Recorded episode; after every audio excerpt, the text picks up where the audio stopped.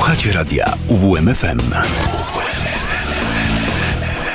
Uwierz, uwierz, uwierz w muzykę.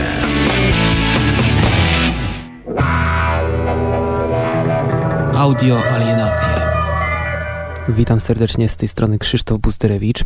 W tym odcinku Audio Alienacji będę przedstawiał kolejne zespoły z podziemia muzycznego, które nigdy nie wybiły się i nie zdobyły popularności. Będą to zespoły z lat 60. i 70., grające gatunki takie jak hard rock, heavy psychedelic rock albo heavy blues. Pierwszą z tych kapel będzie zespół Atomic Rooster, Został on założony w Wielkiej Brytanii w 1969 roku. Określany jest jako progresywno-rockowy, głównie ze względu na kluczowe dla grupy brzmienie organów Hammonda granych przez Vincenta Crane'a. Mimo tego, że formacja nigdy nie zdobyła większej popularności, uznawana jest za jedną z najbardziej wpływowych w historii rocka. Muzycy czerpali z twórczości Deep Purple, jednak ich własne kompozycje były dużo bardziej symfoniczne i progresywne. Liderem zespołu był wcześniej wspominany Vincent Crane, który przed założeniem zespołu grał w kapeli Artura Browna. Decyzję o dołączeniu do grupy Atomic Rooster podjął także inny muzyk, który współpracował w tym czasie z Brownem, Carl Palmer. Tych dwóch muzyków wraz z Nickiem Grahamem, którego później szybko zastąpił John Ducan, wchodziło w oryginalny skład Atomic Rooster. Właśnie ich zaraz usłyszymy na pierwszym utworze, który przygotowałem do tej audycji.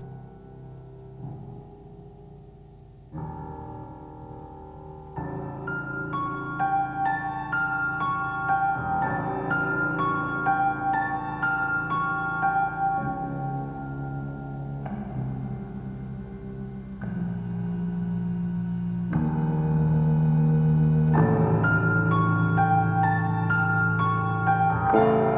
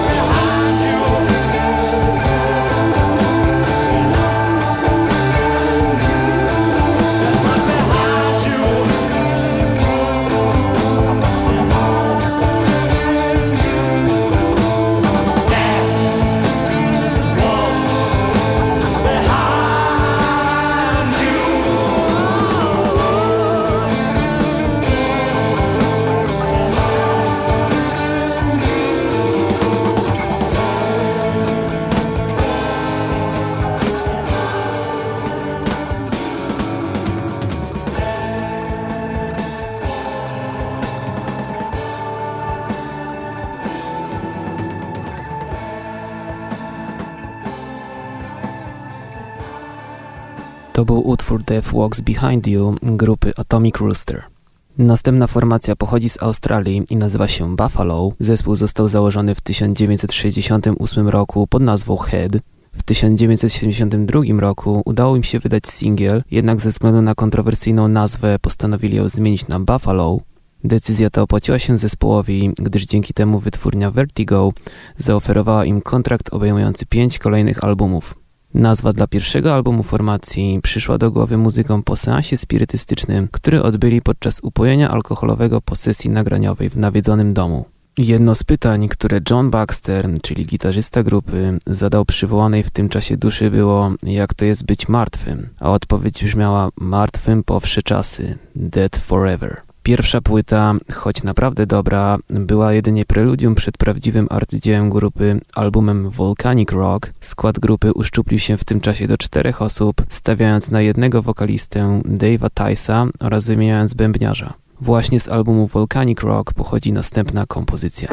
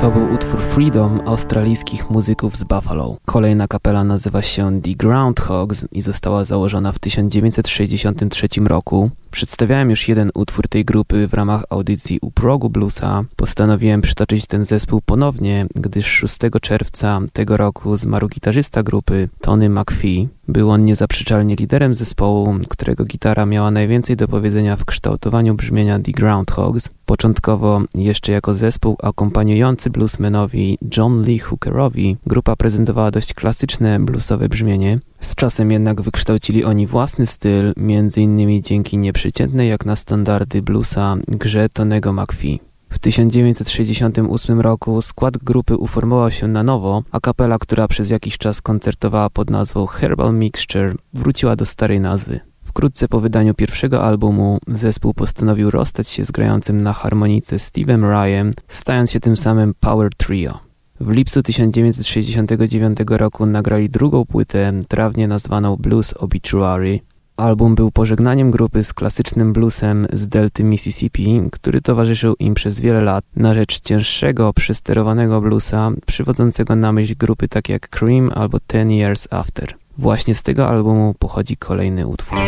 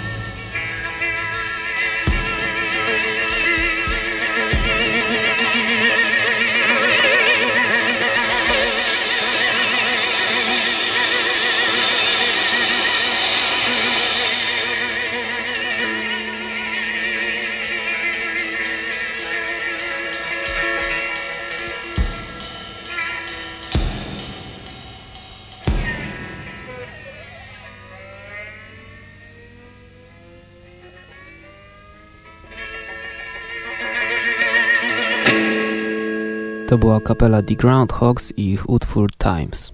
Następna grupa nazywa się Leafhound. Po kilku zmianach personalnych istniejący od 1966 roku zespół Black Cat Bones zmienia nazwę na Leafhound. Patrząc na okładkę ich jedynej płyty Growers of Mushroom, wydanej w 1971 roku, do głowy przychodzi klasyczny dla tamtych czasów psychodeliczny rock. Muzyka grupy jednak nie romansuje tak bardzo z psychodelą, jakby mogło się zdawać. Słychać przede wszystkim inspiracje wczesnymi albumami Led Zeppelin. O ile pod względem instrumentalnym album rzeczywiście bardzo mocno nawiązuje do Zeppelinów, to pod względem lirycznym odcina się od hedonistycznych i miłosnych tekstów, które prezentowali muzycy z Led Zeppelin. W tekstach grupy przewijają się tematy takie jak ból egzystencjalny, niesprawiedliwość społeczna i osobista rozpacz. Leafhound potrafili połączyć wszystko to, co najlepsze w muzyce tamtej epoki, jednocześnie nadając jej swój własny rys. Niestety przez opieszałość producentów zespół zdążył się rozpaść rok przed wydaniem ich płyty. Głównie przez ten fakt grupa nigdy nie zdołała uzyskać światowej popularności. W dzisiejszych czasach Growers of Mushroom uchodzi za świętego grala nieznanych formacji muzycznych, które nie zdołały się przebić na rynku.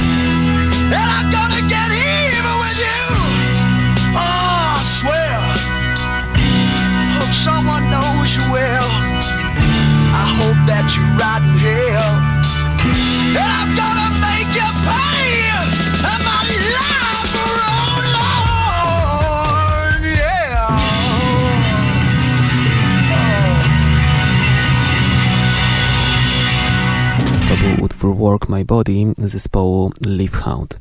Następna kapela pochodzi z Wielkiej Brytanii i nazywa się Orang Utan. Młoda grupa sama zebrała znaczącą kwotę, żeby móc zarejestrować swoją muzykę w najbardziej zaawansowanym jak na tamte czasy studiu w Londynie. Producentem płyty miał być Adrian Miller, który namówił kapelę na zmianę nazwy z Hunter na Orang Utan. Człowiek ten postanowił ukraść materiał zespołu i bez ich wiedzy wydać album w USA. Gdy mieszkający w Wielkiej Brytanii muzycy dowiedzieli się o tym oszustwie, zamiast podjęcia walki prawnej zwyczajnie rozwiązali grupę. Głównie z tego względu ich płyta przypadła na rynku i w dzisiejszych czasach uchodzi za białego kruka. Orang Uten, podobnie jak poprzednie Leaf Hound, dość mocno nawiązuje swoją muzyką do Zeppelinów, ale słychać także inspirację gitarą Jimiego Hendrixa.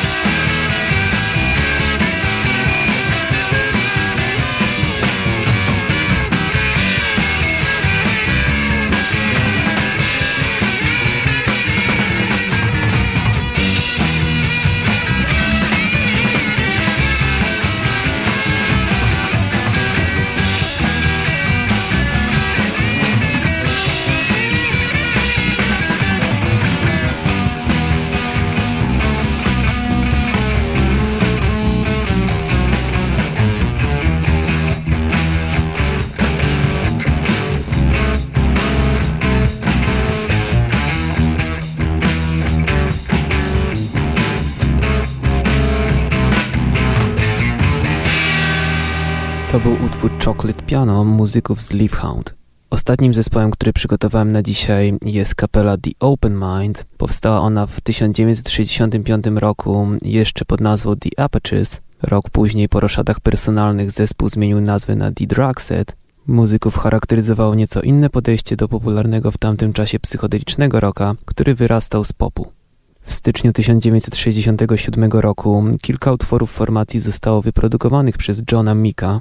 Niecały tydzień po tym producent popełnił samobójstwo i ostatecznie z nagrań nic nie wyszło. Idąc z duchem czasu, zespół postanowił zmienić nazwę na The Open Mind. Kapela występowała z bardziej uznanymi muzykami z Pink Floyd albo The Jimi Hendrix Experience. Po ekstensywnych występach w klubach grupa nagrała swój jedyny album w 1968 roku. Płyta ukazała się na rynku na początku 1969 roku, jednakże ze względu na brak singla, który powinien być wydany przed nią, album nie został odpowiednio wypromowany. Obecnie winyle The Open Mind osiągają kosmiczne ceny i sprzedają się nawet za 2000 dolarów.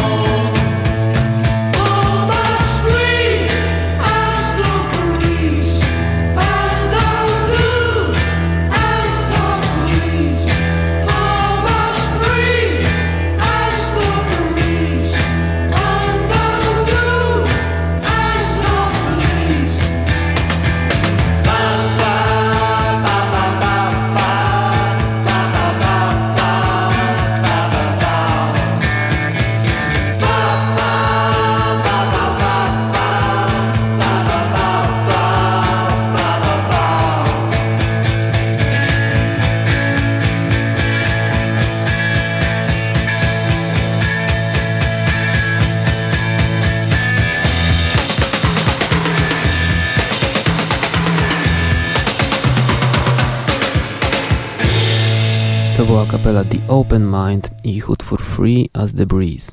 To już wszystkie niszowe zespoły z przełomu lat 60., 70., jakie przygotowałem na dzisiaj. W następnej audycji będę zajmował się zespołami grającymi stoner rock i psychedelic stoner, które swoją twórczością nawiązują do heavy psychedelic rocka z przełomu lat 60. i 70. Dziękuję bardzo za wysłuchanie. To był Krzysztof Busterewicz. Słyszymy się już za tydzień o tej samej porze. Do usłyszenia.